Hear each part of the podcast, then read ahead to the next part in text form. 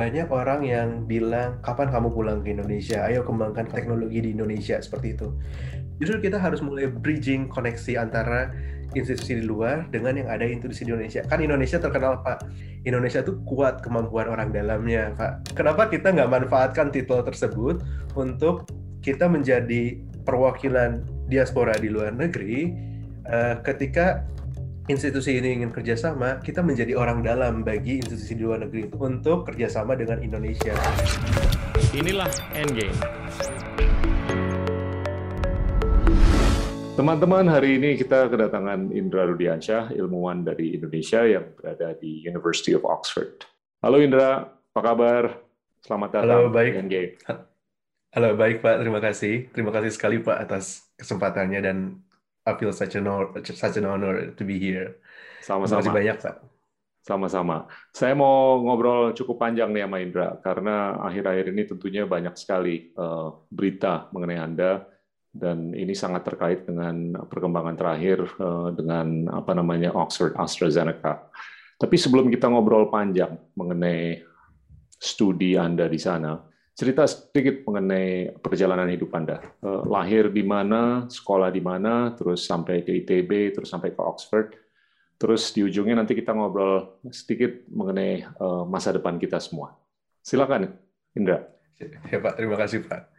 Ya jadi eh, mungkin saya akan cerita dulu ya Pak tentang masa lalu saya. Jadi eh, saya lahir di Bandung tahun 91, 1 September.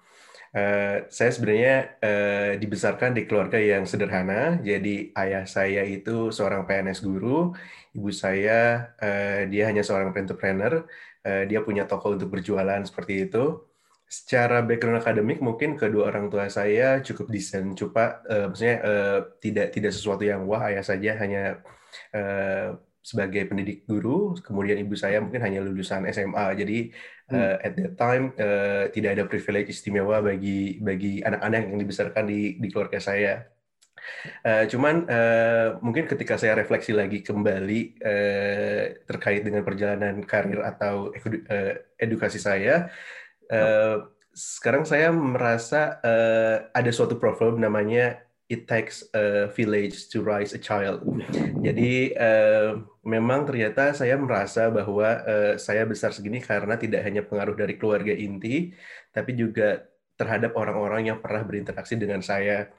Uh, mungkin kenapa saya bisa uh, tertarik untuk melanjutkan pendidikan ke yang lebih tinggi seperti S1, S2, S3 karena uh, ayah saya seorang guru. Waktu saya 4-5 tahun saya selalu ikut uh, ke sekolah dasar untuk melihat cara ayah saya mengajar gimana. Saya dulu hanya duduk di kelas, ikut gambar-gambar ketika ayah saya mengajar.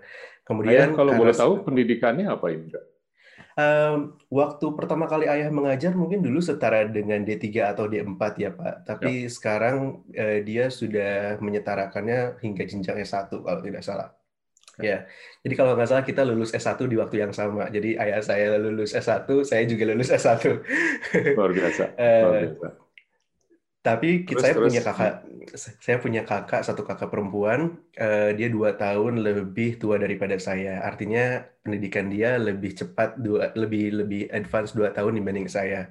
Uh, ketertarikan saya terhadap dunia sains sebenarnya ketika kakak saya mulai masuk IPA di SMA-nya waktu itu saya masuk masih SMP. Kemudian uh, saya sering main ke kamar kakak saya cuma sekedar untuk melihat buku paketnya dia atau textbooksnya dia uh, terkait dengan gambar-gambar yang ada di buku paketnya dia dan saya melihat waktu itu gambar terkait dengan chemistry kayak struktur atom, molekul uh, atau gambar-gambar biologi terkait ini sistem peredaran darah di manusia, ini sistem uh, saraf di manusia, sistem imun. Wah ternyata menarik ya sains ya dari situ saya kalau ada waktu senggang masuk ke dalam kamar kakak saya untuk baca-baca uh, ini tuh gini loh sistemnya seperti itu. Akhirnya saya dari SD sampai SMA saya mengikuti jejak kakak saya sebenarnya. Saya kan dulu waktu SD SD sampai SMA kuliah di sekolah lokal ya Pak. Jadi rumah saya dulu di kabupaten. Uh, ketika SMA kakak saya kuliah eh, sekolah di kota Bandung jadi memang ada hmm. jauh perjalanannya sekitar satu satu satu jam satu setengah jam wow. dan saya bilang ke orang tua saya saya juga pengen SMA di Bandung karena mungkin uh, secara secara kualitas dan secara akses ke terhadap informasi tentang universitas mungkin lebih banyak ketimbang kalau saya sekolah di sekolah lokal dekat rumah. Akhirnya eh, saya memutuskan eh, pas SMA memutuskan untuk sekolah di Bandung. Eh, masih masih jalur yang sama mengikuti IPA karena memang tertarik dengan sains. Di SMA itulah saya mulai dikenalkan dengan yang namanya vaksin. Uh, hmm. Mungkin waktu waktu kecil saya sudah divaksin oleh orang tua, eh, diajak vaksin oleh orang tua saya, tapi saya nggak mengerti apaan sih itu. Saya ke sekolah cuma ditetesi vaksin polio waktu itu rasanya sangat manis dan enak, tapi kadang saya disuntik juga, jadi kayak kok malah kayak gini ya. Tapi pada saat SMA ada satu guru biologi yang eh, waktu itu saya masih kelas 1 SMA, entah kenapa dari sekian banyak eh, student yang waktu kelas di kelas tersebut, saya diajak untuk ikut kompetisi terkait perlombaan vaksin di Bio Farma. Waktu itu gabung dengan tim yang kelas 2 dan kelas 3. Ini masih di SMA ya? Masih di SMA, Pak, ya. Jadi waktu biasa. itu waktu itu uh, diajakin oleh guru biologi saya namanya Bu Yani. Uh, ayo ikut lomba vaksin. Waktu itu kita di training apa itu vaksin, bagaimana cara vaksin dibuat. Uh, itu kayak pengetahuan-pengetahuan dasar tentang vaksin mungkin ya Pak pada saat itu. Apa bedanya vaksin dengan serum seperti itu. Akhirnya saya juga dibimbing oleh eh, senior-senior saya eh, bahwa ini loh cara belajar vaksin itu sumbernya dari sini, cara cara bikin vaksin ini sumbernya dari sini seperti itu. Waktu itu ikut lomba, akhirnya di Bio Farma. Saya juga nggak tahu kalau Bio Farma itu perusahaan vaksin awalnya karena masih SMP. uh, uh, ya dari situ kita lomba meskipun kita kalah, tapi itu sangat menarik sekali Pak. Di sana kita diajak tur keliling pabriknya. Oh, ini uh, pabrik untuk produksi vaksin, ini tempat penyimpanannya dan waktu itu saya baru baru tahu ada yang namanya cold room cold room itu jadi semacam kayak kulkas hmm. tapi uh, itu satu ruangan jadi dan itu suhunya 2 sampai delapan derajat kayak wah ternyata menarik sekali ya Udah, akhirnya udah dikasih pas, hint ya dari semenjak SMA. Udah dikasih hint, betul Pak. uh, akhirnya pas uh, pas menuju akhir SMA, menuju kamp kuliah, uh, saya uh, sebenarnya waktu itu memilih dua jurusan antara perminyakan karena mungkin waktu itu eh, saya mendengar kabar kalau perminyakan itu jenjang prospek karirnya eh, cukup lumayan ya karena mungkin oil and gas company semua orang butuh energi so it will be uh, good for the future. Tapi kemudian di sisi lain saya juga uh, saya ingin uh, masuk ke mikrobiologi. Waktu itu saya tahu senior saya yang masuk ke situ dan ketika cerita-cerita di mikrobiologi itu kita belajar ini loh dan itu adalah sesuatu hal yang baru bagi saya karena kan kalau di SMA kita lebih ke biologi secara makro ya Pak manusia, ya. tumbuhan, hewan. Sedangkan mikrobiologi itu lebih ke jasa teknik yang saya sebenarnya nggak pernah melihat fisiknya seperti apa. Wah, oke deh, saya pilihan kedua mikrobiologi SITH. Jadi dua-duanya ITB. Saya ikut SPMB waktu itu Pak karena mungkin ujian saringan masuk eh, pribadi USM waktu itu sangat mahal biayanya bagi bagi orang tua saya. Akhirnya saya masuk SPMB. Eh, dulu namanya SPMB itu Senam PTN. Eh, pas zaman saya waktu itu uh, ikut tes, akhirnya tidak diterima di perminyakan, tapi diterima di SITH atau fakultas yang menaungi mikrobiologi tadi. Jadi jurusannya wow. ada dua, biologi, mikrobiologi. Umpamanya uh, kalau waktu itu diterima di perminyakan, what would have happened?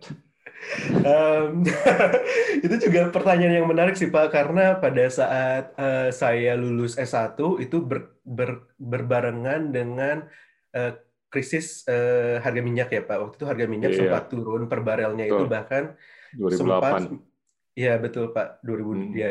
Dari 147 uh, bahkan, dolar per barrel ke 30-an. Iya betul sekali Pak. Bahkan waktu itu sempat dengar bahwa harga minyaknya itu gratis cuman kalian harus bayar agak transportnya aja kayak wow dan uh, pada saat itu ada kenalan-kenalan saya juga yang banyak di layoff karena itu jadi saya juga tidak terbayang sih bagaimana mungkin nasib saya sekarang atau mungkin Siap. saya mungkin akan akan beralih ke uh, ke bidang lain uh, seperti itu tapi mungkin memang ini sudah jadi takdir ya pak uh, ya. untuk bisa berkarir di mikro dia di, di di dunia mikrobiologi seperti ini uh, ya.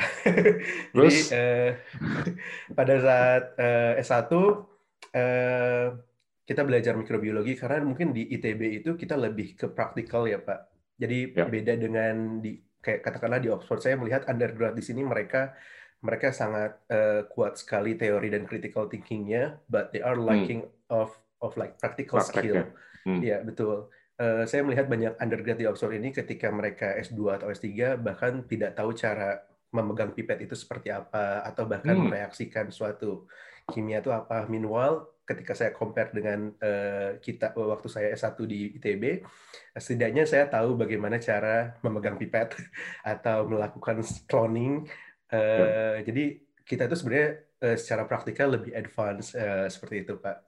Waktu waktu S1. Eh, cuman mungkin memang eh, skill critical thinking-nya yang, yang harus lebih dipergali secara mandiri seperti itu. Pak. Eh, ya, jadi waktu S1 di ITB, eh, ketika praktikum, ketika penjurusan saya masuk mikrobiologi dan ketika ada praktikum, saya mulai sangat tertarik dengan yang namanya molecular biology. Karena eh, wah ini main-main. DNA, saya bisa merekayasa DNA seperti Hmm. itu. Saya dulu kan kita sering nonton film X-Men ya, Pak. Ada Iya. mutant, ada Sekarang juga masih nonton. Iya, betul Pak. Eh, terus kan kalau sci-fi eh, di movie itu kelihatan sangat keren gitu ya Pak. Scientist save the Iya. world atau seperti itu. Wah, akhirnya saya tertarik sekali mendalami ilmu molecular biology.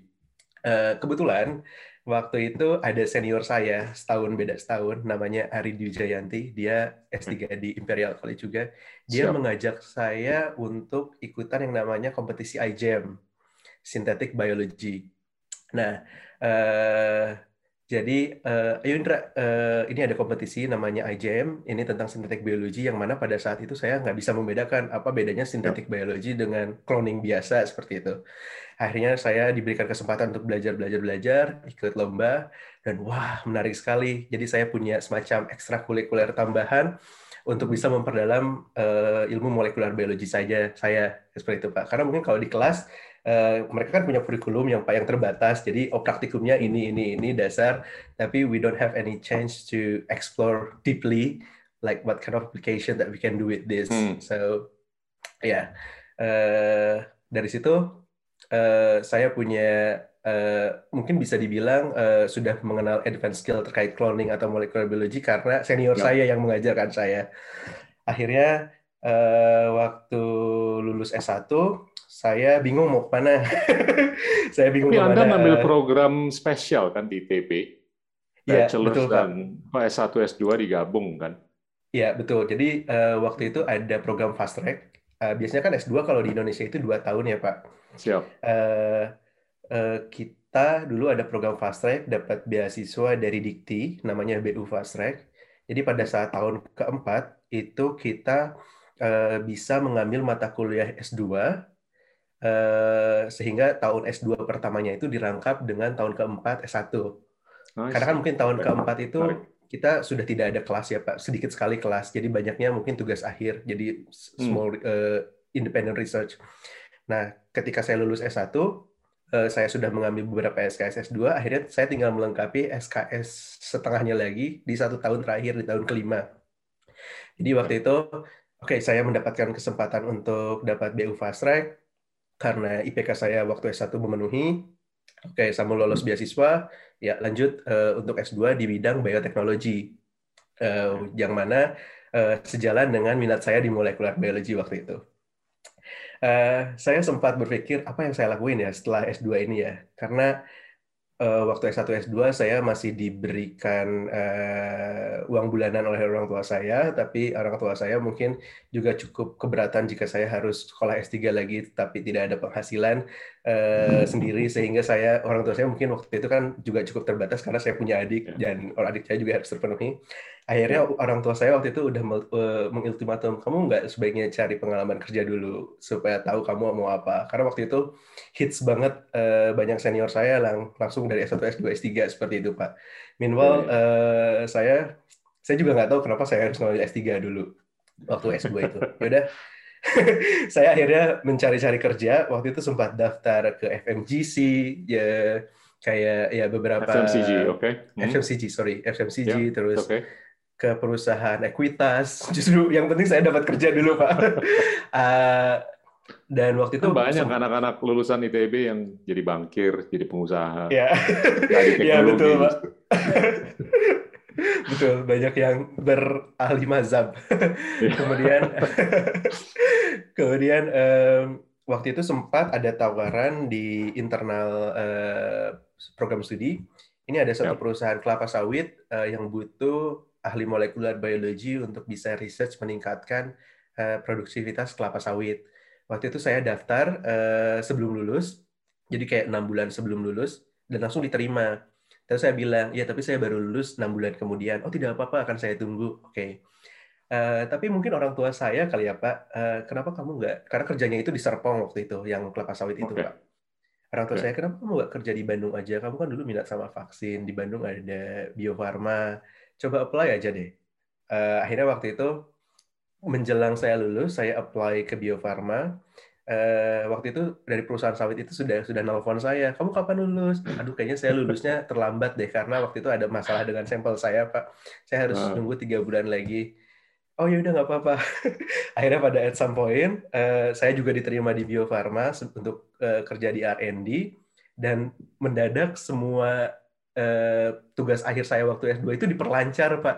Jadi oh sampelnya ternyata datang lebih cepat. Terus pada Wow. saat saya eksperimen lancar-lancar aja, tidak ada kegagalan. Ternyata memang ah, ini memang harus sepertinya harus kerja di Bio Farma karena ketika saya kerja eh, lulus Bio Farma semuanya lancar seperti itu, Pak. Eh, jadi eh, saya akhirnya menghubungi minta maaf ke perusahaan kelapa sawit itu bahwa saya mendapat pekerjaan lain dan mungkin ini lebih sesuai dengan bidang dan minat saya. Eh, tapi saya akan coba carikan pengganti saya seperti itu. Ya mereka akhirnya kecewa, cuman tidak apa-apa Pak karena it's based on personal choice dan saya juga belum tanda tangan kontrak pada saat Oke. itu. Jadi pada saat saya masuk ke Bio Farma, eh, saya diinterview oleh bos saya waktu seleksinya. Eh, pertanyaan dia adalah, kamu kira-kira lima tahun ke depan mau ngapain di Bio Farma? Eh, terus saya lihat, saya sepertinya lima tahun ke depan mungkin akan mulai S1, eh, eh, maaf, S3. Karena saya yakin kalau perusahaan riset farmasi, terutama vaksin itu adalah perusahaan yang bunuh diri, Pak. Jadi Hmm. kan kalau vaksin itu sebenarnya untuk preventif ya, Pak Mm-mm. ketika orang-orang sudah tidak ada lagi yang terkena penyakit itu, artinya vaksin tidak diperlukan. Contoh smallpox. Eh, smallpox itu sekarang sudah tidak ada di dunia, jadi Hmm. kita tidak perlu lagi vaksin smallpox. Itu sama kasusnya dengan polio sekarang. Polio kita sudah Ya. mau eradikasi, dan Bio Farma itu salah satu produsen vaksin terbesar di dunia yang import ke 103 negara, 130 negara untuk vaksin polio. Kalau misalnya polio berhasil eradikasi, berarti Bio Farma nggak perlu jualan polio lagi, income-nya Hmm. bakalan menurun. Jadi saya berpikir mungkin eh, kita harus mencari produk-produk baru vaksin eh, yang sampai sekarang belum ada. Saya dulu berkata seperti itu. Hmm. Akhirnya saya diterima di Bio Farma eh, dan saya empat tahun kemudian ya akhirnya melanjutkan S3 sekarang Pak. Karena eh, ketika saya bekerja di Bio Farma, eh, ya saya melihat bahwa urgensi kita untuk menghasilkan produk baru itu sangat sangat sangat penting. Sangat luar biasa. Mm. Ya Pak, karena Hmm. selain selain selain itu untuk kemajuan perusahaan itu juga bisa meningkatkan public health masyarakat karena kan kita itu masih menjadi endemik ya Pak bagi three big Betul. disease kayak HIV, malaria dan TB. Iya. Meanwhile sekarang Betul. belum ada vaksinnya sehingga ya mungkin kalau S3 saya bisa berkontribut untuk penghasil mencari vaksin tersebut, eh, why not seperti itu Pak. Hmm. Terus Anda dapat beasiswa dari LPDP kan untuk Oxford? Iya Pak, betul. Luar biasa. Eh, ya saya 2006 Jangan lupa tuh sama negara. Betul Pak. Sebenarnya saya juga beruntung sekali Pak karena negara kita mempunyai mekanisme eh, untuk scholarship yang seperti LPDP di Ya, mana itu program yang dari luar biasa. Mulia betul sekali. Pak. Betul. Dari segi dari segi jumlah jumlah stipend dan yang di coverage itu kita relatif lebih tinggi dibanding scholarship lainnya. Saya Ya. jarang sekali melihat ada scholarship yang mereka juga bersedia untuk menanggung eh, keluarga inti ketika kalian sudah berkeluarga dan dibawa ke luar negeri Betul. seperti itu Pak. Sangat jarang Betul. sekali. Kemudian ada biaya komponen lain seperti buku per tahun atau Ya. settlement allowance atau eh, apa lagi ya Pak? Semacam eh, jika berhasil publish kita juga mendapatkan semacam bonus seperti itu Ya, Pak. ya. Jadi Pokoknya merupakan- lah Ya, paketnya. betul Pak. Hmm. Iya. luar biasa. Beda sama program beasiswa yang kita lihat lah di tahun 80-an, 90-an. Ya, Uh, betul. tinggal gimana itu bisa di scale up aja supaya lebih banyak lagi orang Indonesia Ya, bisa bersekolah Setuju, di sekolah-sekolah yang luar biasa di dalam maupun luar negeri. Ya. Oke, Eh, ada satu hal yang Anda hobi nih, yaitu musik. Anda di marching band. ya, ya betul Pak. Sebenarnya Emang dari ini ada kecil gitar, hobi tapi musik bukan atau- gitar saya. Oke, main gitar aja. Saya lihat di Enggak, Pak. kamar Anda ada gitar tuh yang digantung. Sebenarnya saya tidak bisa main musik pada waktu saya sebelum join marching band. Eh, ini gitar Oke. bukan gitar saya, Pak, gitar housemate saya. Eh, jadi Oke. eh, di ITB itu kan banyak sekali unit kemahasiswaan ya, Pak. Kalian mau aktif di Iya. unit, mau aktif di BEM atau himpunan, itu eh, personal choice. Tapi waktu itu saya melihat banyaknya unit ini, sayang sekali saya saya tidak gabung satupun. Nah, itu tuh Iya. saya coba mendaftar beberapa. Apa sih hal yang saya belum bisa dan tapi menarik buat saya? Oh, main musik. Eh, waktu itu saya sangat sangat buta sekali dengan not balok, tidak ada background musik dalam hidup saya sebelumnya. Nah, itu saya datang ke datang ke standnya Banyak marching band musisi itu. yang yang ngetop nggak tahu not balok juga kok, tenang aja. Betul, Pak.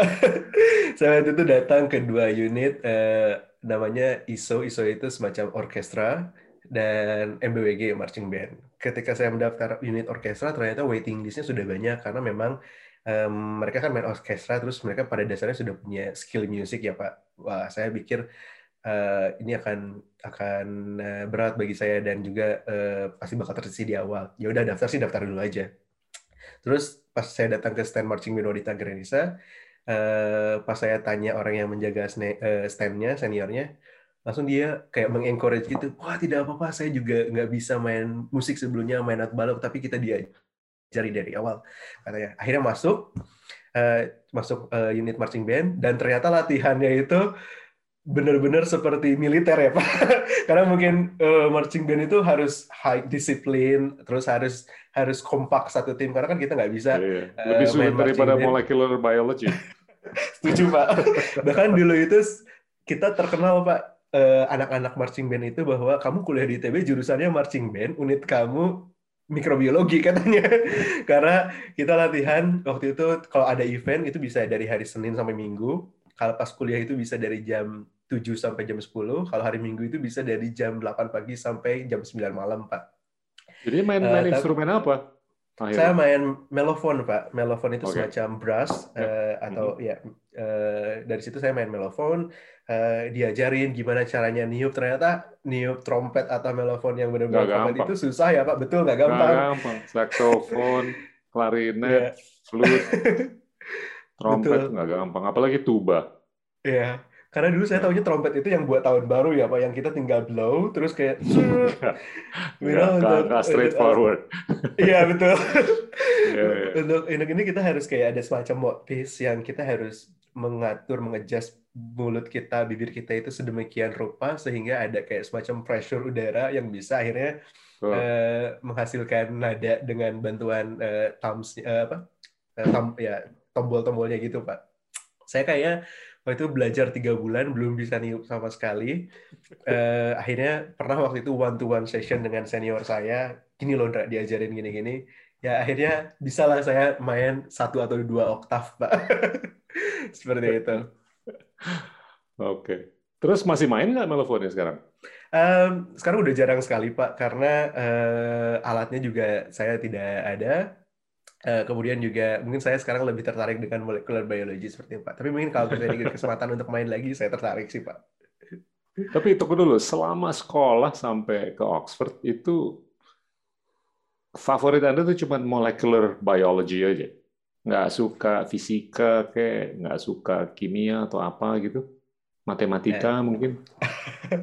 Kalau matematika, saya suka statistik Pak sebenarnya. Oke, Jadi dalam Oke. bidang eh, Ya, ya. matematika, saya sangat suka statistik. Dulu waktu saya S1, kita ada mata kuliah namanya ProbStat, Probabilities and Statistics. Oke. Hmm. Waktu itu dosennya lumayan tegas, tapi somehow saya tuh selalu terchallenge dengan orang-orang yang tak orang-orang takuti gitu Pak. Misalnya orang ini takut dengan mata kuliah ini karena mata kuliah ini kompleks. Seperti molecular biology itu cukup cukup Siap. kompleks ya Pak. Tapi saya terchallenge untuk bisa kemudian statistik waktu itu dosennya cukup tegas, jadi semua orang juga takut dengan dosen beliau, tapi itu mata kuliah wajib. Justru saya bisa uh, semacam Excel ya Pak di kelas gitu.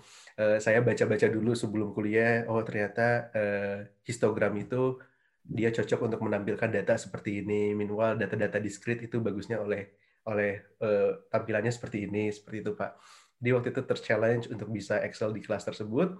Uh, dan sampai sekarang ternyata ilmu statistik itu banyak applied di berbagai hal. Salah satunya pengembangan ya. vaksin uji klinis seperti itu, Pak. Oh. Jadi memang eh, dan dan dan terkait dengan molekular biology, sebenarnya molekular biology itu kan ilmunya tuh mirip-mirip ya, Pak, dengan biokimia, Betul. Betul. dengan enzimologi. Hmm. Jadi kalau kamu belajar satu core itu, kamu bisa paham cellular biology, molekular biology, biochemistry dan enzimologi jadi ya dunianya di situ seperti itu Pak. Tapi kalau saya iya, ditanya yeah, yeah. tentang tanaman ini uh, apa namanya, kamu identifikasinya gimana? Oh mungkin saya bakalan buta di situ Pak.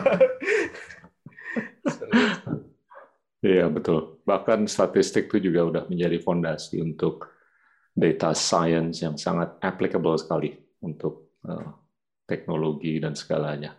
Yeah. Oke, okay, kita fast forward deh ke Oxford ya kan? Ya, Kalau ya. saya baca itu kan Sarah Gilbert sama Catherine Green itu dia menulis buku The Vaxxers kan. Ya. Dan kalau saya pelajari dia tuh sebetulnya udah menekuni apa pun lah selama puluhan tahun. Tapi yang sangat menarik kalau menurut saya itu adalah uh, teknologi yang dia kembangkan, yang dia juluki sebagai platform teknologi, yang mana optionality-nya tuh mudah sekali yeah. ya kan? Dan itu yang membuahkan kapasitas di Oxford uh, untuk bisa mengikuti perubahan virus terakhir ini. Hmm. Dan coba deh di, di kita kita mulai gali deh mengenai yeah. mengenai apa uh, apa yang anda lakukan, apa yang Sarah dan Catherine lakukan, terus juga dikupas juga mengenai kenapa menggunakan DNA yang merupakan double-stranded uh, molecule uh, dibandingkan RNA. Dan RNA itu kan yang diberdayakan oleh uh, Pfizer atau Pfizer BioNTech dan Moderna. Kenapa nggak nggak menggunakan RNA, justru ya. menggunakan DNA? Silakan. Ya. Indra. Uh, jadi um, kalau kita berbicara tentang platform teknologi vaksin ya Pak, mm -hmm. kita bicara mungkin yang uh, sudah established dulu konvensional. Kalau vaksin itu dibuat ada dua cara. Eh, kita mengambil eh, patogen. Patogen itu mikroba atau virus eh, yang dia bisa menyebabkan penyakit dari tubuh. Jadi ada virus, bakteri, parasit itu kita sebut patogen. Nah, si patogen itu kita bisa ambil, kita bisa lemahkan dengan cara ditumbuhkan yang tidak di kondisi yang tidak optimum. Akhirnya mereka lemah tapi masih hidup atau kita ambil terus perbanyak di lab eh, tapi kita eh, inaktifkan dan dimasukkan ke dalam tubuh. Karena mereka patogen dan mereka itu benda asing bagi tubuh tubuh kita akan menghasilkan respon imun. Itulah eh, tujuan eh, goalnya dari vaksin ya pak. Mendidik sistem imun kita lebih awal. Nah Siap. cuman eh, dengan berkembangnya teknologi biomolekuler eh, tidak semua eh, dan juga alasan kenapa tidak eh, dan eh, kenapa patogen itu untuk yang live attenuated live attenuated atau inaktif itu sulit untuk untuk diaplikasikan ke beberapa penyakit karena memang pertama seperti HIV itu terlalu berbahaya untuk kita bisa mengkultur HIV dalam jumlah besar atau misalnya ada beberapa bakteri seperti Microbiom tuberculosis yang itu juga untuk menumbuhkan bakteri tersebut di lab yep. itu cukup sulit, Pak. Akhirnya dengan bantuan teknologi molekuler kita uh, main nih, oh ternyata apa sih dari bagian patogen itu yang yang sebenarnya bisa menginduksi tubuh kita untuk menghasilkan hmm. respon imun. Misalnya yep. untuk untuk uh, hepatitis B itu ada protein di permukaannya virus itu ternyata kalau misalnya protein ini kita bisa produksi di lab tanpa harus memproduksi virusnya, itu bisa jadi bahan baku utama vaksin.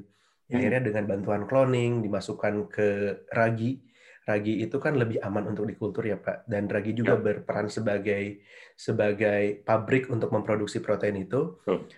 terus dikultur raginya, proteinnya dihasilkan, dimurnikan, uh, itu bisa jadi bahan utama vaksin. Oke, okay. cuman berpikir lagi uh, untuk penyakit-penyakit yang emerging disease seperti SARS-CoV-2, uh, SARS atau hmm. Zika atau uh, influenza katakanlah ya. Pak, ya Pak betul influenza itu kan kita tidak tidak tahu the next step-nya itu hmm. apa yang akan terjadi. Uh, terus ya. uh, untuk bisa memproduksi protein juga cukup waktu yang lama Pak hingga bisa diidentified bagian mana dari patogennya. Hmm. Kenapa kita tidak punya suatu platform yang uh, itu seperti main Lego pak jadi plug and display ketika ada ada ada patogen atau virus baru yang muncul uh, kita bisa ambil informasi genetiknya masukin ke dalam suatu kendaraan dan uh, materi genetik itu artinya kan dia cetak birunya protein ya pak kita hmm. masukkan hmm. ke dalam tubuh biar tubuh kita sendirilah yang memproduksi protein itu nah akhirnya Salah Gilbert dan kawan-kawan uh, mendalami mendalami uh, teknologi viral vector menggunakan adenovirus atau poxvirus. Jadi banyak sekali ya. Pak viral vector. Dan itu adenovirusnya saya dengar diambil dari chimpanzee ya? Ya betul. Awal-awalnya memang adenovirus platform yang dikembangkan itu berasal dari manusia, Pak. Cuman Siap. kan adenovirus itu dia virus juga ya, Pak, benda asing bagi tubuh. Ya, ya, ya. Artinya ketika Sama kita DNA-nya 99 persen. Ya betul Pak. Masalahnya adalah ketika kita menggunakan yang saya dengar justru kita dengan pisangnya 66 apa 60 persen sama. Iya betul dengan Pak. Sapi 80 persen sama dia. Kemiripannya. betul betul. Uh, Kadang-kadang kita, kita sama pohon pisang sok pinter, padahal kita 60 persen sama. betul Pak. uh. Jadi silakan, uh, silakan. Terus kalau kalau kita menggunakan adenovirus yang berasal dari manusia, karena kita sudah pernah terpapar sebelumnya ya Pak. Kadang kita kan merasa ada common, kita merasakan common cold. Bisa jadi itu karena adenovirus ya Pak. Common cold itu kalau di Indonesia mungkin dibilangnya panas dingin ya Pak, bukan flu. Nah itu kan bisa disebabkan oleh virus juga. Nah artinya kita sudah memiliki antibodi yang bisa menetralisir si kendaraan vaksin tadi. Jadi mungkin akan mengurangi keefektivitasan keefektivitasan dari vaksinnya tersebut. Akhirnya Salah Gilbert dan tim berpikir, oke okay, kita harus cari adenovirus yang nggak pernah sama sekali menyentuh manusia. Akhirnya mereka melakukan screening, uh, ditemukanlah adenovirus uh, dari simpanse yang ternyata secara seroprevalensi uh, manusia itu tidak pernah terpapar atau jarang sekali terpapar dengan virus itu. Akhirnya kita gunakanlah vektor itu di berbagai uh, model vaksin. Jadi, ya. oke okay, kita coba viral vector ini untuk influenza, untuk Zika, untuk apa. Jadi itu semacam kayak Eh, kita punya DNA-nya, Pak. Terus ada di DNA itu sebagian part yang kita bisa pasang ganti dengan target dari patogennya. Jadi kalau misalnya, oke okay, sekarang kita mau uji klinis vaksin MERS misalnya atau uh, Ebola, oke okay, kita ambil DNA Ebola, masukkan ke situ, uh, terus kita uh, uji coba di hewan atau di manusia. Oh ternyata berhasil, oh ternyata gagal. Oke kita coba cari yang lain. Jadi emang sangat mudah sekali teknologi viral vector itu Pak untuk bisa mengevaluasi okay. banyak vaksin. Okay. Makanya kenapa ketika pandemik ini terjadi, vaksin-vaksin yang pertama kali mendapat license untuk emergency use itu adalah entah viral vector atau RNA karena kedua platform itu uh, memiliki fleksibilitas yang tinggi dan dan dia bisa fast respon terhadap outbreak. Yeah. Yeah. Tapi kalau kita perhatiin kalau menggunakan RNA mm-hmm. itu kan tahapannya lebih kecil, lebih dikit dibanding yeah. dengan DNA kan. Kalau DNA itu kan yeah. harus dimasukin ke nukleusnya. Yeah. Baru yeah. kita rekayasakan untuk terjadi apa sih messaging lewat messenger yeah. RNA ini untuk ya. terproduksi yeah. proteinnya kan sehingga yeah. imunitasnya itu bisa berkembang. Yeah. Sedangkan kalau RNA kan langsung ke sitoplasmanya aja yeah. tidak perlu nukleus. Nggak, saya agak agak bingung aja kenapa multi stage dibandingkan single stage aja seperti yang dilakukan oleh RNA. Gitu. Ya, kenapa mungkin uh, waktu waktu Sarah Gilbert decide tidak menggunakan platform mRNA karena pada saat zamannya platform mRNA itu masih uh, masih sulit aplikasinya, Pak. Jadi okay. secara konsep, secara konsep uh, it's possible, tapi pada saat praktik di lapangan it's difficult. Difficultnya kenapa? Karena uh, waktu itu kita belum tahu atau ilmunya bahwa mRNA ini mesti dimodifikasi, ada semacam uh, ada semacam bagian dari molekul yang bisa menstabilisasi si mRNA-nya itu. Karena mRNA itu dia cepat terdegradasi Pak. Jadi uh, Hmm. dia harus dikonten di dalam di, di suhu yang sangat rendah. Jadi kalau Ya. handling di lab, kalau kita salah handling, misalnya suhunya naik dikit, itu ya udah DNA-nya eh, RNA-nya terdegradasi, akhirnya rusak ya Pak. Jadi nggak bisa berpakai dipakai. Eh, tapi waktu itu kita belum belum tahu ada teknologi semacam modifikasi-modifikasi di RNA yang dia bisa bikin lebih stabil. Oh, Kemudian tapi DNA kan lebih stabil karena double stranded kan betul, de, betul. Ya. Kalau DNA Masuk itu lebih sih. stabil, Hmm. ya. Ya. Eh, kalau secara aplikasinya memang RNA itu straightforward, Pak. Dia dia kan Siap. cetak biru ya, Pak. Jadi dia tinggal masukkan ke sel, nggak perlu masuk ke inti, betul tadi kata Bapak, tapi langsung dihasilkan protein. Eh, cuman waktu itu masalahnya adalah delivery systemnya, Pak. Jadi Hmm. RNA itu nggak bisa eh, kita masukkan ke dalam tubuh hanya hanya RNA RNA saja ya Pak, karena Iya, tubuh itu pasti akan langsung mendegradasi juga. Jadi perlu ada suatu formulasi di mana eh, si mRNA itu semacam dibungkus dan dia bisa langsung masuk ke sitoplasma seperti itu. Yap. Nah, waktu itu mungkin teknologi teknologinya belum ada dan untuk viral vector ini eh, itu lebih straightforward waktu itu. Jadi eh, mungkin waktu itu akhirnya Sarah Gilbert dan kawan-kawan decide, oke kita pakai viral vector selain dia lebih straightforward, kemudian eh, kita bisa bisa punya punya resource-nya juga di situ. Akhirnya ya mungkin decide di situ, Pak. Ini saya mau gali beberapa hal mengenai temuannya Sarah dan teman-teman. Hmm. Eh, tentunya sikap untuk dia tidak mematenkan ini sangat mulia, ya kan? Ya. Eh, dan itu tentunya juga ekornya ini adalah efisiensi dan eh, kemurahan biaya, ya kan? Mhm. Kalau saya hitung itu mungkin jatuh-jatuhnya untuk vaksin Oxford AstraZeneca itu 3 sampai 5 dolar dibandingkan Ya. dengan Pfizer atau Moderna atau yang lain lah yang mana intellectual property-nya itu lebih diproteksi ya dan Ya. diberdayakan untuk kepentingan Ya. komersil itu bisa membuahkan harga sampai mungkin 20 dolaran. Ya. Nah, itu kan sangat mulia. Apalagi mengingat ya udah banyak sekali manusia di dunia ini sudah terdampak selama 18-19 bulan terakhir dan ini ujungnya juga belum kelihatan. Kalau saya hitung itu mungkin sangat memungkinkan atau feasible untuk uh, Oxford AstraZeneca itu memproduksi atau diproduksi sampai 4 sampai 5 miliar dosis. Iya kan? Dikarenakan hal-hal seperti itu dan dosis yang dibutuhkan untuk fase pertamanya itu juga yang saya dengar nggak perlu satu full, bahkan cuma setengah aja. Uh, apa apa itu observasi yang masuk akal atau nggak tahu? Saya mau Iya. ngecek aja dengan Anda. Gimana Indra? Ya betul Pak. Jadi teknologi viral vector ini kan sudah dikembangkan eh, dari 2013 kalau di Jenner Institute itu Pak. Dan memang sebenarnya teknologinya itu patennya memang punyanya Sarah sama Adrian Hill Yap. patennya. Terus ada teknologi scaling up eh, manufacturing.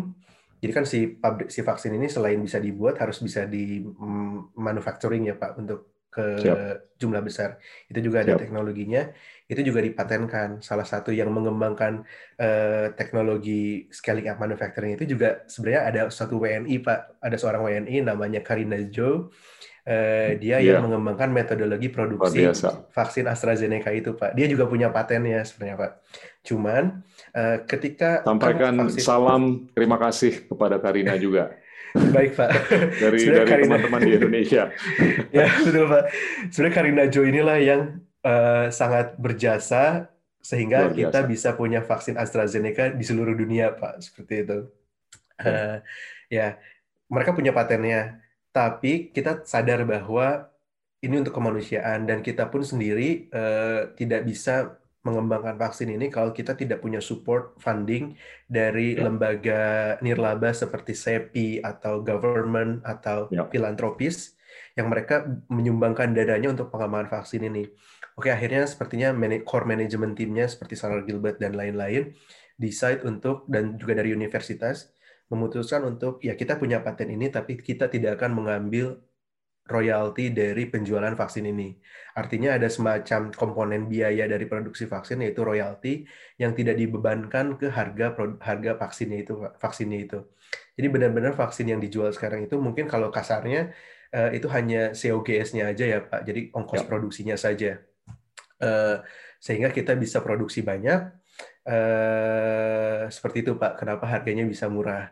Iya, bisa sepertujuh atau seperenam luar iya, biasa betul. dibanding betul. kompetitor lainnya. Yeah. Apalagi untuk negara-negara berkembang ya, yang mungkin yeah. kapasitas fiskalnya atau kapasitas keuangannya itu nggak setinggi yang yang ada di negara-negara lebih maju atau negara-negara maju. Ya, yeah. dan betul Pak, betul sekali. Dan kita juga sadar bahwa everyone is not safe, and uh, uh, everyone is not safe until everyone is safe, gitu ya Pak. Jadi Absolutely. kita, ya kita sadar bahwa kita nggak bisa berhasil memerangi COVID ini kalau semua orang di planet bumi ini tidak divaksinasi oleh, kalau misalnya bisa divaksinasi ya Pak, tidak divaksinasi oleh vaksin COVID ini.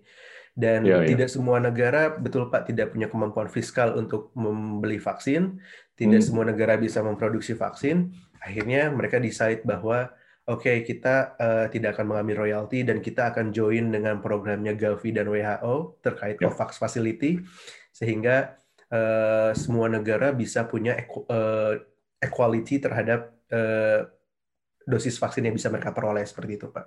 Ya.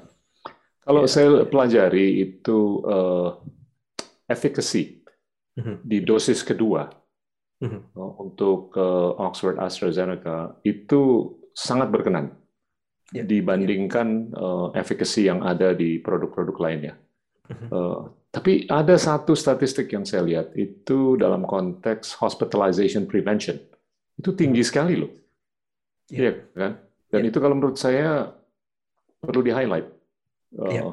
bahwasanya ini nggak bisa di underestimate juga efektivitasnya gitu loh. Yeah. Uh, apalagi mengingat affordability-nya yang juga nggak bisa di underestimate. Yeah. Itu uh, bisa menjadi faktor-faktor yang yang mungkin aja bisa mengamankan dan menyamankan eh, kita ke depan. Ya. Apalagi kalau ini dibungkus dalam konteks proses vaksinasi di Indonesia, yang menurut saya ini masih memakan cukup lama waktunya. Eh, apalagi eh, setelah varian Delta, ini kemungkinan atau kemungkinan besar akan ada varian-varian baru. Mengingat virus itu kan ya keunikannya juga ada dan yeah. keinginannya juga nggak bisa dikontrol untuk Betul, dia melakukan bukan hanya replikasi tapi mutasi, yeah. ya kan? Ya, yeah. betul Pak. Jadi memang virus, terutama virus SARS-CoV-2 ini karena dia material genetiknya itu RNA ya Pak. Jadi kalau hmm. manusia kan punya manusia atau makhluk tingkat tinggi lainnya punya DNA atau RNA. Minimal virus itu hanya DNA atau RNA. Jadi Siap. milih cuma salah satu. Nah, virus-virus RNA seperti SARS-CoV-2, influenza, mereka itu nggak punya ketika mereka membelah uh, mereplikasi diri ya pak di dalam tubuh manusia atau inangnya yeah. mereka nggak punya kapabilitas untuk memperbaiki uh, cetak biru material genetik yang mereka perbanyak Betul. jadi makanya tingkat mutasinya itu tinggi artinya semakin banyak orang terinfeksi semakin yeah. banyak virus itu semakin sering virus itu bereplikasi yeah. artinya semakin banyak mutan-mutan baru yang muncul kalau ilmu mutasi kan mereka berlawan ke ini ya Pak ke berbagai arah. Mereka bisa fit uh. buat virusnya, bisa malah bikin unfit. Nah, varian-varian muncul yang itu ternyata adalah hasil mutasi virus yang ternyata dia justru memberikan si virus itu kemampuan untuk lebih fit menginfeksi tubuh kita. Betul. Artinya ya itu Pak, eh, kalau kita mau mau men menghentikan laju mutasi virusnya, ya kita harus punya kekebalan terhadap virus uh, sendiri. Jadi kita harus vaksinasi lah orang sebanyak-banyaknya agar virus hmm. itu nggak punya nggak punya inang yang favorable buat si virus itu untuk bermutasi seperti itu, Pak. Iya. Aman nggak untuk berhipotesa bahwasanya dengan pemberdayaan platform teknologi yang dikembangkan oleh Sarah Gilbert ini, apabila ada variasi atau varian hmm baru berdasarkan mutasi, lebih gampang untuk Oxford AstraZeneca melakukan adaptasi. Ya, uh, ya kan? Ya, saya bocorkan sedikit Pak. Yep. Jadi yep. ketika muncul varian-varian baru itu, kita langsung ada ahli molekular biologi namanya di, di tim kita namanya Sumoris itu langsung mendapatkan arahan untuk oke okay, kita buat uh, vaksin untuk varian-varian baru ini just in case vaksin hmm. yang existing existing sekarang itu uh, efektivitasnya tuh sampai tidak ada sama sekali pak jadi Siap. just in case seperti itu jadi uh, timnya itu langsung membuat lagi vaksin untuk varian-varian barunya tapi sampai sekarang uh, alhamdulillah varian yang muncul sekarang uh, masih bisa dihandle oleh vaksin yang existing sekarang, setidaknya oleh AstraZeneca, Pfizer, dan saya tidak tahu kalau data-data untuk vaksin lainnya. Cuman kalau saya baca di beberapa paper, itu uh, kapasitas neutralisasinya itu dari antibodi yang dihasilkan itu masih ada, meskipun memang hmm. ada sedikit penurunan di beberapa strain. Contohnya yang AstraZeneca itu ada penurunan di strain beta atau South Africa strain, uh, tapi masih memiliki.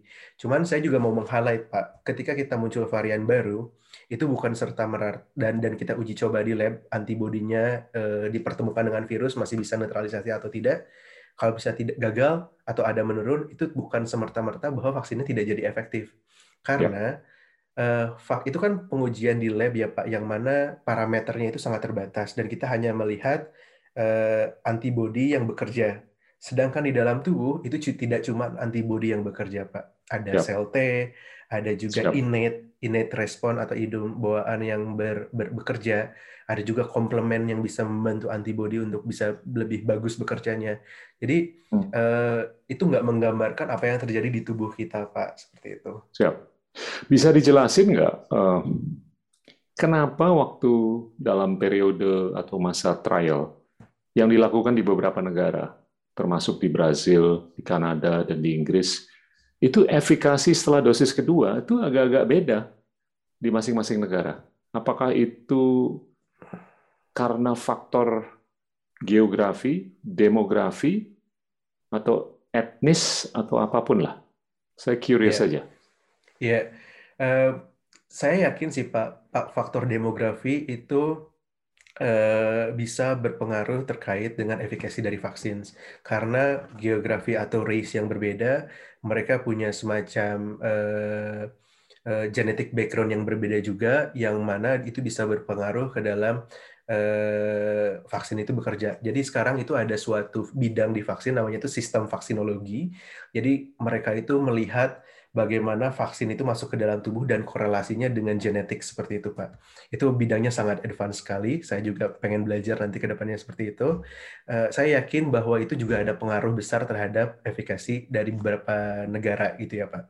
Tapi hmm. selain itu juga uh, kalau dilihat di desain studinya itu memang ada perbedaan antara uh, regimen-regimen itu pengaturan pemberian vaksin vaksin, Pak. Jadi antara hmm. dosis ke-1 dan dosis kedua itu ada beberapa yang beda. Misalnya katakanlah di Oxford itu awalnya kita hanya pengen single dose, Pak. Jadi hanya cukup satu dosis. Ya. Karena kan anggapannya dulu vaksin-vaksin untuk pandemik itu kalau satu dosis bisa efektif, eh, artinya lebih cepat mencapai herd immunity seperti itu kan, Pak. Ya. Uh, tapi ternyata jadi kita punya cohort yang satu dosis dan cohort yang dua dosis. Hasil dari imunologinya itu yang cohort dua dosis dia imun responnya lebih robust. Hmm. Akhirnya Eh, di clinical trial yang dulu satu dosis, yang jumlah volunteernya lebih banyak, itu dipanggil kembali untuk kamu mau nggak dapat dosis kedua karena hasil dosis kedua itu ternyata dia lebih robust imunogenisitasnya. Akhirnya mereka dipanggil kembali di disuntikan dosis kedua yang mana berarti gap waktunya itu jauh lebih panjang. Nah ternyata finding uh, yang sekarang itu menunjukkan kalau misalnya gapnya itu sangat panjang, misalnya katakanlah 12 minggu atau tiga bulan, uh, imuno, uh, F, apa, uh, imun respon yang dihasilkan justru lebih baik kalau cuma empat minggu misalnya Pak. Kalau imun responnya lebih baik, artinya efikasinya mungkin akan lebih tinggi seperti itu. Nah, ya. teorinya bagaimana? Mungkin teori yang saya pahami adalah ketika kita mendapatkan dosis pertama, tubuh kita kan langsung respon ya Pak, respon ke dalam yep. tubuh. Eh, kemudian kita tidak terpapar dan tubuh juga memerlukan waktu untuk mem memproses vaksin itu hingga dihasilkan uh, antibodi-antibodi atau sel memori lainnya. Nah, uh, kan virus itu di dalam uh, material vaksin itu di dalam tubuh juga didegradasi ya Pak, lama-lama hilang. Uh, ketika kita di dosis lagi suntik kedua, mungkin yang bekerja itu adalah lebih ke uh, memory cells dan dan Hmm. sehingga dihasilkan antibody-antibody yang dia justru bisa berikatan lebih kuat atau memiliki afinitas yang lebih tinggi. Sehingga Siap. mungkin teorinya seperti itu, Pak. Tapi saya juga harus cross check lagi karena banyak teori kenapa hal itu bisa terjadi seperti itu. Jadi mungkin perbedaan antara geografis di satu negara dengan yang lain karena salah satunya itu selain genetic background, regimennya juga berbeda seperti itu, Pak. Siap. Mungkin yang harus diantisipasi juga di negara-negara yang ada musim dingin. Hmm. Ini kan iklim akan berubah dalam waktu dekat beberapa bulan ke depan kan.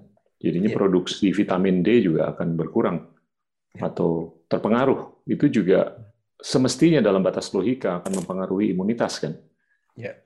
Nah, mungkin saya mau coba tanya Anda, ini ke depannya gimana nih? Apa yang kita harus antisipasi secara umum untuk masyarakat luas di dunia? Mhm. Kedua, apa yang kita harus antisipasi eh, di kalangan masyarakat luas di Indonesia terkait Oke.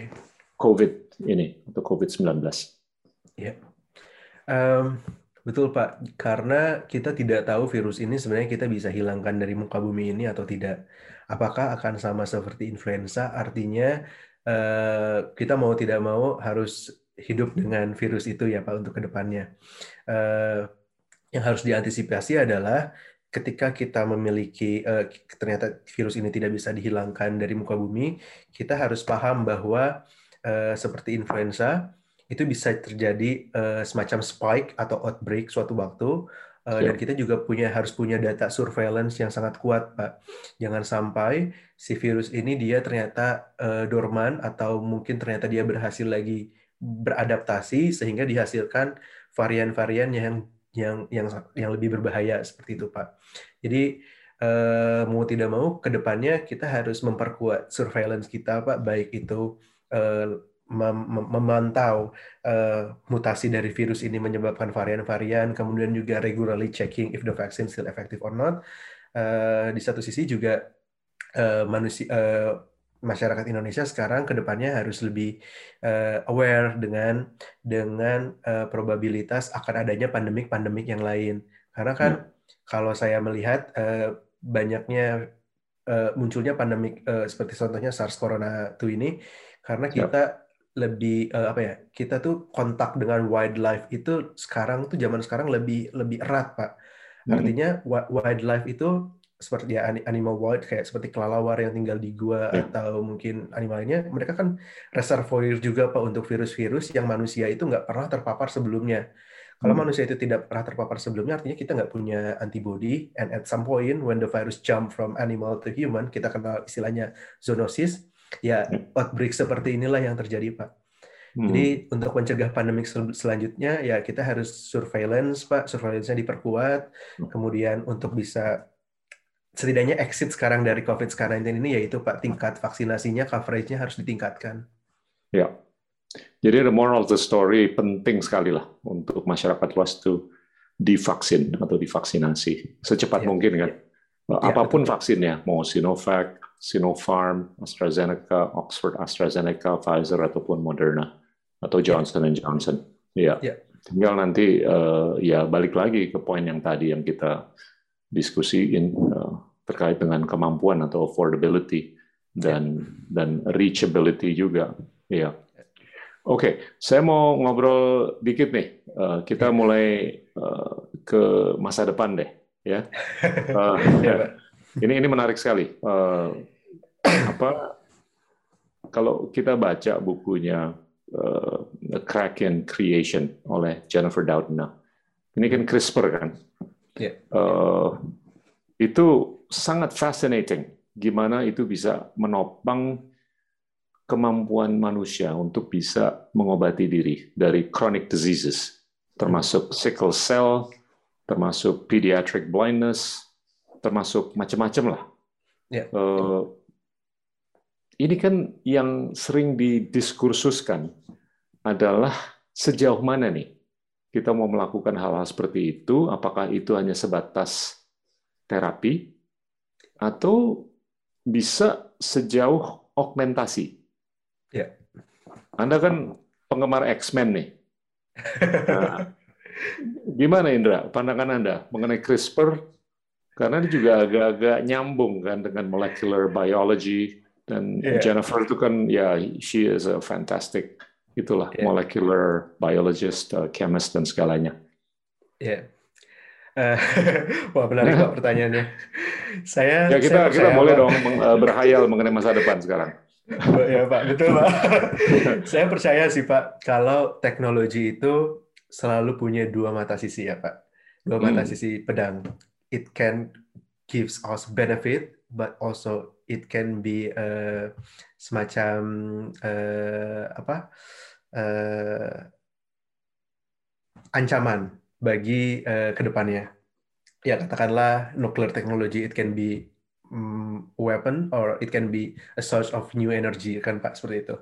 Nah, Ya. sama seperti CRISPR, saya juga percaya bahwa eh, CRISPR ini punya dua sifat tersebut. Di satu sisi eh, dia itu seperti cutting edge teknologi Pak. Kalau kita baca buku kan kalau kita pengen jumping ke halaman berikutnya kita tinggal lipat ya Pak. Jadi gampang. Oh, Ya. kita pengen lipat ke situ.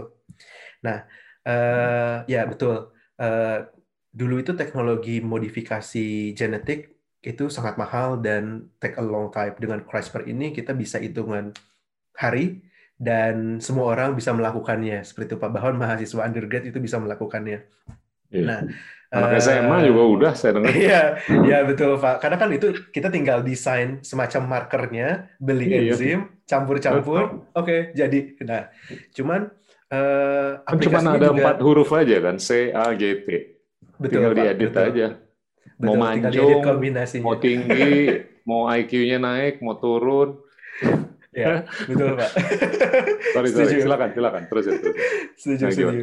Eh, ya, jadi eh, di satu some point kita eh, apa benefitnya itu foreseeable gitu Pak. Oke, kita bisa mengedit eh, penyakit-penyakit genetis seperti sklerosis misalnya.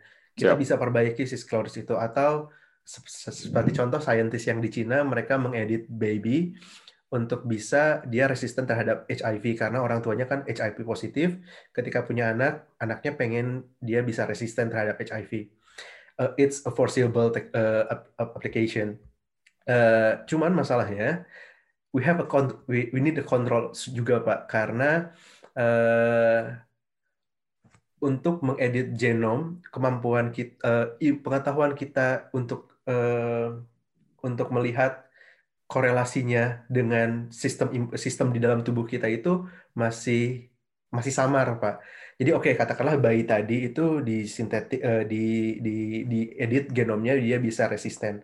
Tetapi kita tidak tahu ketika nanti pengem- apa per- proses perkembangan bayi itu ternyata ada bagian yang justru mm, menjadi eh, berdampak negatif terhadap perkembangan bayi tersebut. Nah, itu ini ini kemampuan yang sampai sekarang kita masih samar, eh, pengetahuan yang kita masih samar. Nah, eh, saya paham bahwa kemajuan teknologi molekuler ini bakal inevitable Pak suatu saat kita bakal reach point di mana CRISPR ini layak eh, apa masif digunakan di manusia.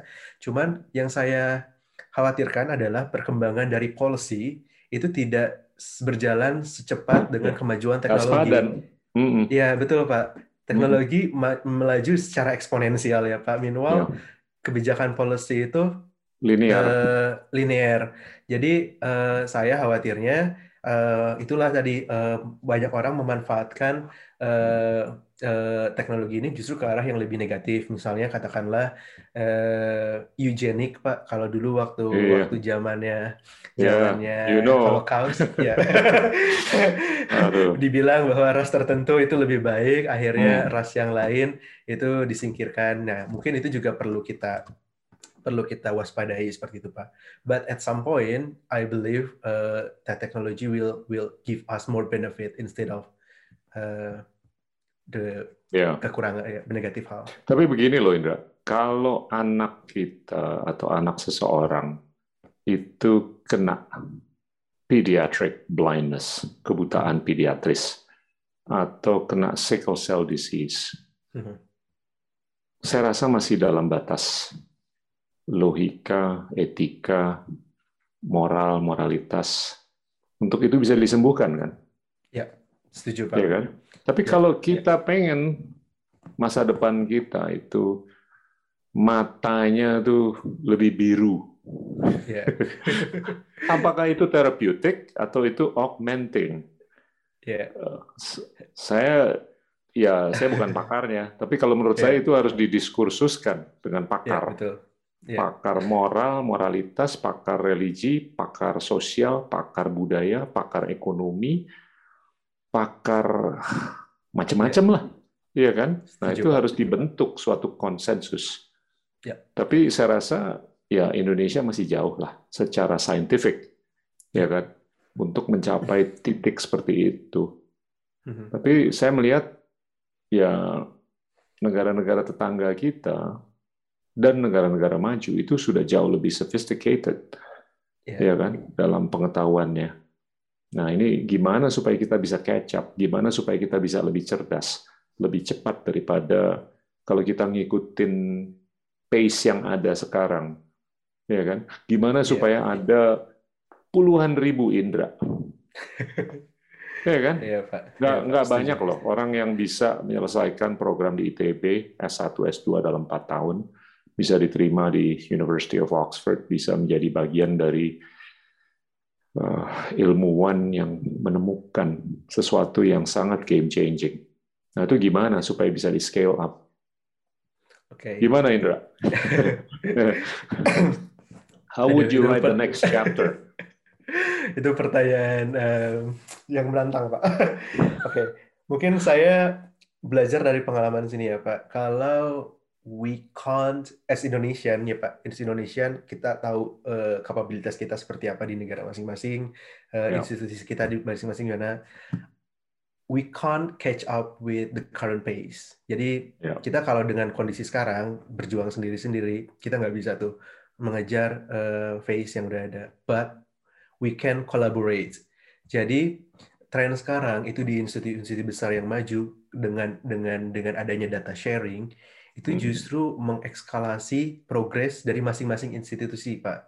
Jadi eh, the only change that we get as an Indonesian adalah kita kolaborasi dengan institusi luar yang lebih advance. Karena eh, big institution itu juga sebenarnya mereka butuh butuh help gitu ya Pak, butuh bantuan. Yap. Dan eh, tidak semua resource mereka punya, tapi institusi lain itu mereka punya. Makanya mereka memiliki sekarang ada yang namanya data sharing. Eh, contohnya untuk yang COVID trial ini juga kita trials dengan Imperial College misalnya eh, untuk bisa eh, karena Imperial College juga punya teknologi RNA, gimana kalau kita mix and match dengan mRNA gitu, dan kita sharing data-datanya juga seperti itu. Justru dengan adanya data sharing itu kita bisa lebih eh, mengejar dengan lebih cepat kemajuan-kemajuan teknologi di institusi lain seperti itu, Pak. Ya. Nah, mungkin ini kesempatan besar bagi Indonesia karena Indonesia ini sekarang sudah banyak mengirimkan diasporanya keluar, Pak. Nah, Siap. em, ini pertanyaan menarik, Pak. Banyak orang yang bilang, kapan kamu pulang ke Indonesia? Ayo kembangkan kamu eh, teknologi di Indonesia seperti itu. Justru saya melihatnya mungkin ini unpopular opinion ya, Pak. Justru I think I'm in Diaspora- your camp. ya, Pak. I know what Setuju you're kan? gonna say. Ya. Iya. Silakan, Ya. silakan di- disampaikan. Nanti saya akan Just- serukan. Justru kalau kita mau catch up dengan hanya sendiri di dalam negeri, we will never get at the some point at the same time with any other institution di Siap. luar negeri. Justru kita Siap. harus mulai bridging koneksi antara institusi di luar dengan yang ada institusi di Indonesia. Kan Indonesia Betul. terkenal Pak, terkenal dengan eh, kalau saya baca di Twitter, Indonesia tuh kuat kemampuan orang dalamnya, Pak. Nah, hebat kemampuan orang dalamnya. Nah, kenapa kita nggak manfaatkan titel tersebut untuk kita menjadi perwakilan diaspora di luar negeri Iya, eh, ketika institusi ini ingin kerjasama, kita menjadi orang dalam bagi institusi di luar Iya. negeri itu untuk kerjasama dengan Indonesia. That's what I, I think gitu Pak. Karena Saya- banyak sebenarnya hmm. ya, betul. Silakan, silakan. Terusin. ya, karena saya lihat banyak sih diaspora yang sekarang sudah punya established eh, lab di UK. Mereka ada yang ada yang buat semacam eh, apa hub research center untuk cancer antara Nottingham dengan dengan dengan Indonesia ada namanya Mbak Santi Mbak Santi Kwan kalau nggak salah di Ya. Nottingham ada juga Mas Bagus yang dia mempromot Indonesia in different perspective kan kalau Indonesia di luar negeri itu terkenalnya dengan food tourism which is it's Ya. good but we also can be known as Indonesia punya uh, sumber daya Scientist. alam, eh, sumber daya manusia, saintis yang Mm-mm. juga capable seperti itu, Pak. Mm-mm. Betul. Gini, saya ada dua observasi. Yang pertama, dulu tuh di tahun 80-an ada film namanya Field of Dreams. Mhm. Itu ada pepatah yang nempel di kepala saya. If you build it, they shall come. Ini mengenai seorang yang romantis dengan pemain-pemain baseball yang legendaris, ya kan? Tapi dia tinggal di suatu farm di Amerika Serikat. Dia membangun lapangan baseball yang keren banget. Mhm. Saking kerennya, pemain-pemain legendaris tersebut pada datang, ya kan? Ya. Nah itu the onus is upon us Indonesians uh, untuk membangun uh, sarananya. Dan sekarang candidly sarananya mungkin belum semapan seperti apa yang ada di University of Oxford, ya kan? Ya. It will take time. Nah, selama ini belum semapan apa yang Anda saksikan di University of Oxford, ya mendingan Anda di Oxford aja dulu. Ya kan? Itu komentar saya yang pertama. Kedua, Ya. saya melihat ke depan itu dalam konteks sains ya. Itu semakin banyak hal-hal tuh akan semakin open source. Jadinya itu lebih membuahkan demokratisasi ilmu. Ya kan? Ya. Dan semakin Anda tetap berada di Oxford untuk menggali ilmu sedalam mungkin, semakin lebih mudah untuk Anda mendemokratisasikan ilmu tersebut untuk teman-teman di Indonesia daripada kalau Anda balik ke Bandung atau ke Jakarta. Iya kan? Setuju. Nah itu jadinya ya saya sih ngelihatnya dari dua sudut pandang tersebut. Dan ujung-ujungnya in the long run, you're actually going to make a much greater contribution untuk Indonesia dan teman-teman di Indonesia ke depan dengan tetap di sana untuk sementara galilah ilmu sedalam, selebar, sebanyak mungkin. Ya. Iya kan? Ya, Pak. Setuju. Nah, kita sorry. satu frekuensi, Pak. Ah iya, Eh, saya saya juga dulu sempat ngalamin lah. Saya cukup lama di luar, tapi akhirnya juga begitu saya lihat semakin mapan di sini, akhirnya saya termagnetisasi, tertarik untuk balik dan untuk eh, berkontribusi. Eh, dan it will happen to you, it will happen to Karina, it will happen to all the others yang yang berada di apakah di Inggris atau di negara-negara lain. Diaspora kita tuh saya rasa sangat uh, memiliki apa nasionalisme yang nggak bisa di underestimate. Ya. Nah, balik ke kode genetika kita nih, genom kita kan terdiri dari anggaplah 21 sampai 24 ribu gene, Ya. ya kan?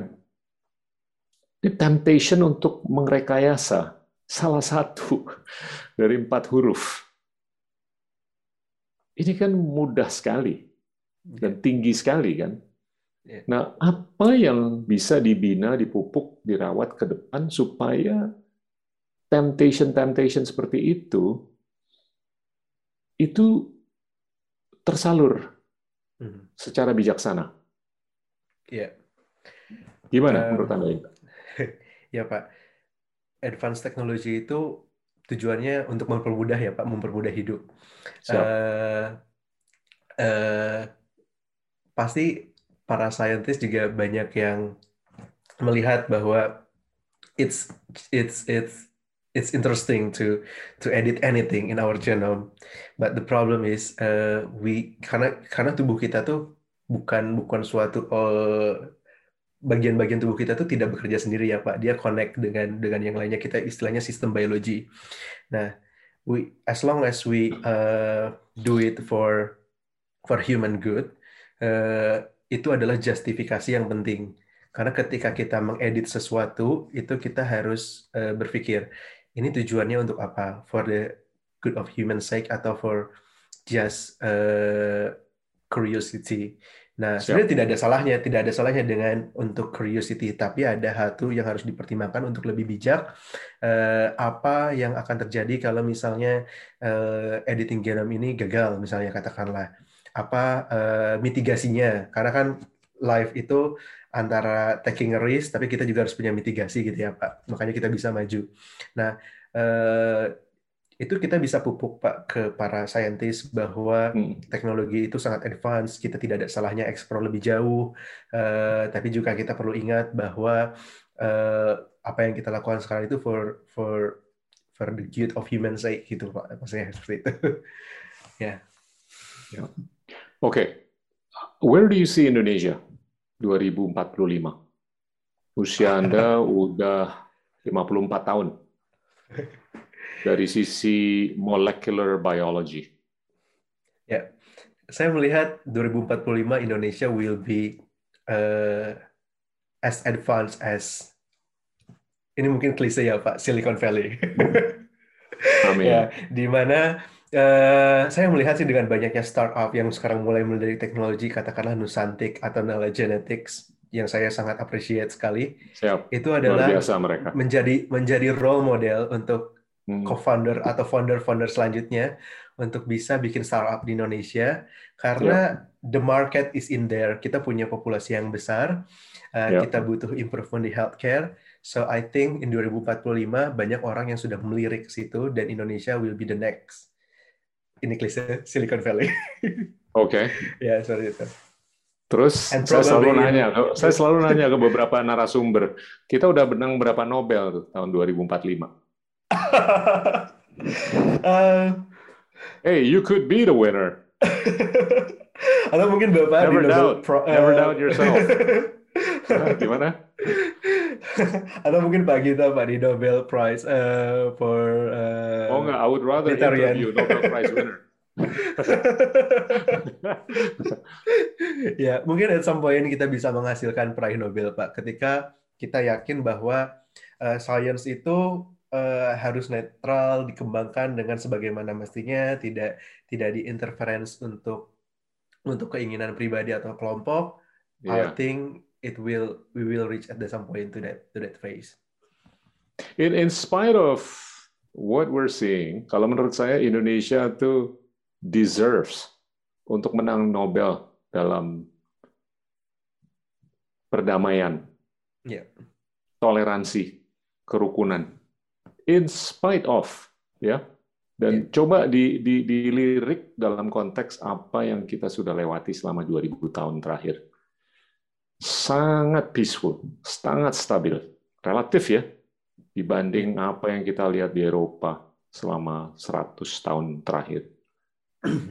Dibanding Ya. apa yang kita lihat di Amerika, Amerika Latin, Afrika. Itu minimum di situlah. Nah, saya selalu berhipotesa bahwasanya peace and stability itu bekal yang paling rudimenter untuk Ya. kita melakukan capaian-capaian lain. Syukur-syukur dalam sains dan teknologi. Iya kan? Ya, setuju. Kalau gonjang-ganjing terus ya nggak bakal bisa kita berilmu. Mau di tech kayak, mau di molecular biology kayak fisika atau apa pun. Ya kan? Ya. Dan gini loh, saya tuh melihat bahwasanya ini kan akhir-akhir ini nih ada banyak sekali sound bites mengenai perusahaan-perusahaan teknologi yang dikenal sekarang di seluruh dunia karena rencananya mereka untuk melakukan IPO, karena rencananya mereka untuk melakukan listing di Amerika Serikat, karena rencananya mereka mau melakukan kombinasi dan segalanya dan segalanya.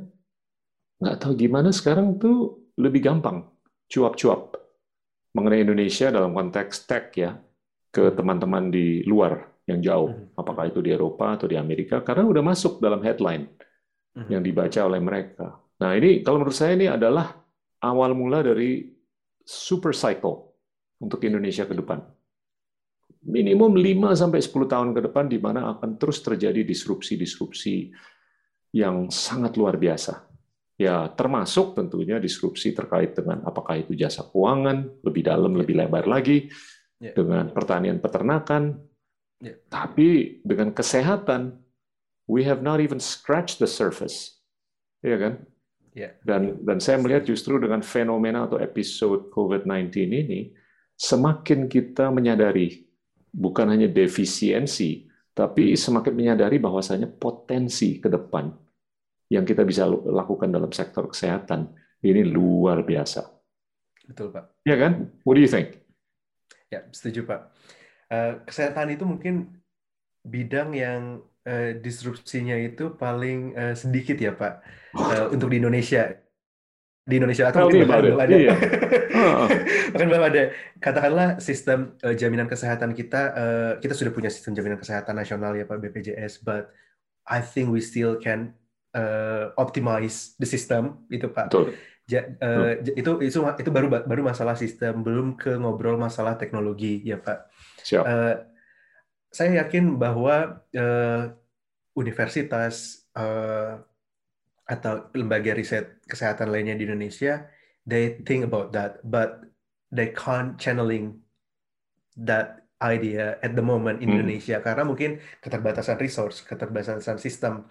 Uh, that's why uh, dengan kolaborasi mungkin itu salah satu bisa jadi disrupsi yang paling uh, awal mula disrupsi teknologi kesehatan di Indonesia. Katakanlah sekarang saya lihat Nusantik itu mulai engagement ke industri which is it will bring benefit to both of them but also to the society misalnya Siap. seperti itu Pak.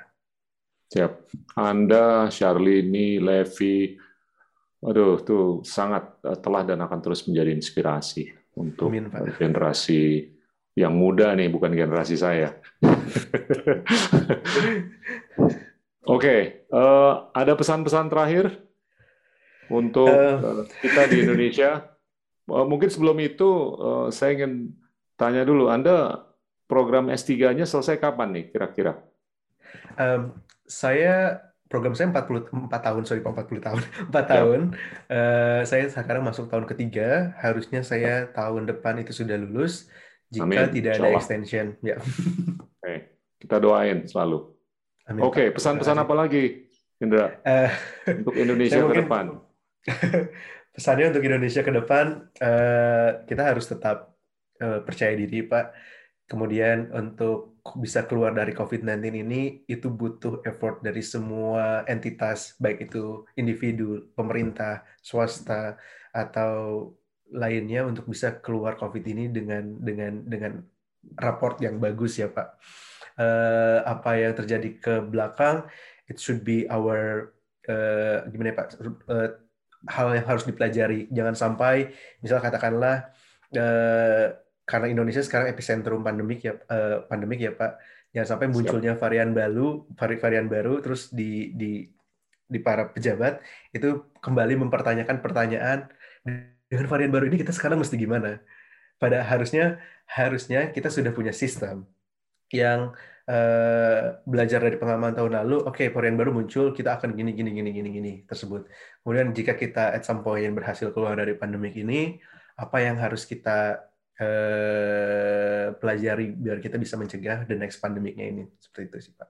Dan jangan lupa untuk masyarakat Indonesia jangan takut divaksin karena that's one uh, tanpa vaksin kita nggak bisa keluar dari pandemi ini seperti itu Pak. Dan vaksin apa saja? Dan vaksin apa saja? Vaksin yeah. yang terbagus Any adalah yang better than no vaccine. Ya, setuju Pak. Vaksin yeah. yang paling bagus adalah vaksin yang tersedia saat ini. Jadi vaksin apa? Amin. amin, amin, amin, amin. Terima kasih banyak loh, Indra. Sama-sama Pak, terima kasih Pak. Waktunya jaga kesehatan. Amin, Bapak juga Pak. Terima kasih atas kesempatannya. Semoga sehat selalu Siap. di Indonesia, Pak. Teman-teman, itulah Indra Rudiansyah ilmuwan dari Indonesia yang berada di University of Oxford. Terima kasih. Endgame is a podcast by the School of Government and Public Policy Indonesia, the first Indonesian policy school to offer a full-time master's program in English, and is a production of the Cinema, Indonesia's award-winning entertainment and technology company. Oni Jamhari and Angga Dwi Sasongko are our executive producers. Ahmad Zaki Habibi and Jimmy Kuntoro are our supervising producers. Hana Humaira and Farah Abidah are producers. Bobby Zarkasi is our director. Aditya Dema Pratama is our director of photography. Video editing by Felicia Wiradian. Alvin Pradana Susanto is our sound engineer. Ratri Pratiwi and Fiera Rahmawati are research assistants. Aulia Septiadi and Ferdizal Optama are our graphic designers. Transcriptions and translations by Isfi Afiani. The song you're hearing is by Neil Giuliarso, Ferdinand Chandra and Philippus Cahyadi, mixed and produced by Gibran Wiryawan. The production of this episode adheres closely to the local authorities' health and safety protocols.